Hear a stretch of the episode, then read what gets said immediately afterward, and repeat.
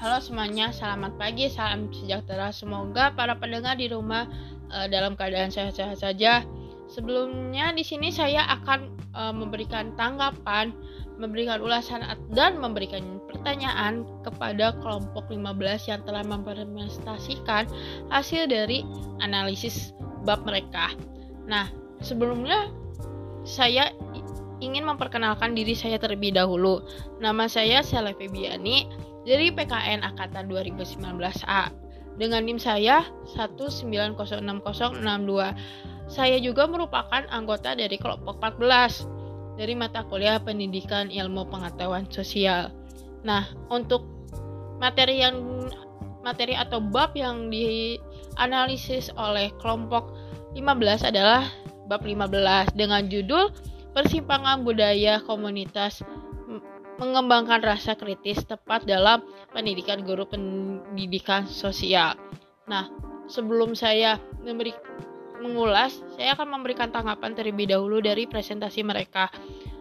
Untuk presentasi mereka uh, dari melalui podcast, uh, dari PPT, dari makalahnya pun menurut saya tidak harus ada yang dikoreksi atau diperbaiki ya karena apalagi uh, dalam segi presentasi untuk saudara Erli menurut saya sudah sangat bagus di mana dia dia tuh sudah benar-benar menguasai materi dari buku bab yang dianalisis. Jadi di, saat dia menjelaskan tuh dia tidak terpatok dari isi makalahnya atau dari isi PPT. Jadi dia benar-benar sudah paham dengan materinya tersebut uh, terus rekannya saudari Sri pun sedemikian. Jadi uh, sebenarnya tidak ada tanggapan atau saran-saran untuk kelompok 15 ini.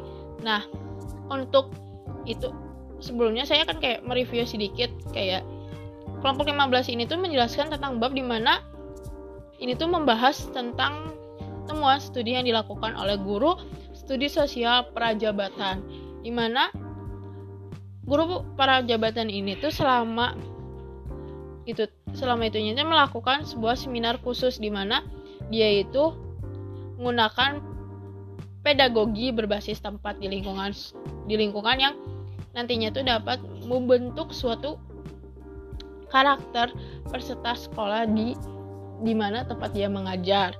Lalu di sini tuh kayak guru tuh uh, dituntut untuk bisa beradaptasi dengan tempat berbagai tempat baik di komunitas di mana dia mengajar terus kayak lingkungan sekolah juga. Lingkungan eh, tempat anak tinggal. Nah di sini saya akan eh, bertanya kepada kelompok 14 nah eh, tadi dijelaskan atau disinggung oleh oleh saudara Eri Erli bahwa calon guru prajabatan atau guru studi e, nantinya ini akan menjadi guru tuh dituntut untuk ber, bisa beradaptasi dengan lingkungannya. Nah, tetapi mayoritas guru itu hanya beradaptasi dengan lingkungan di mana dia mengajar atau di lingkungan sekolah ketika mereka mengajar. Tetapi seharusnya guru itu dituntut untuk bisa beradaptasi dengan lingkungan si siswanya. Nah, sedangkan kan kita lihat siswa dalam kelas itu teh saat uh, tidak hanya satu atau dua tetapi rata-rata bisa lebih dari 20 bahkan sampai 40-an.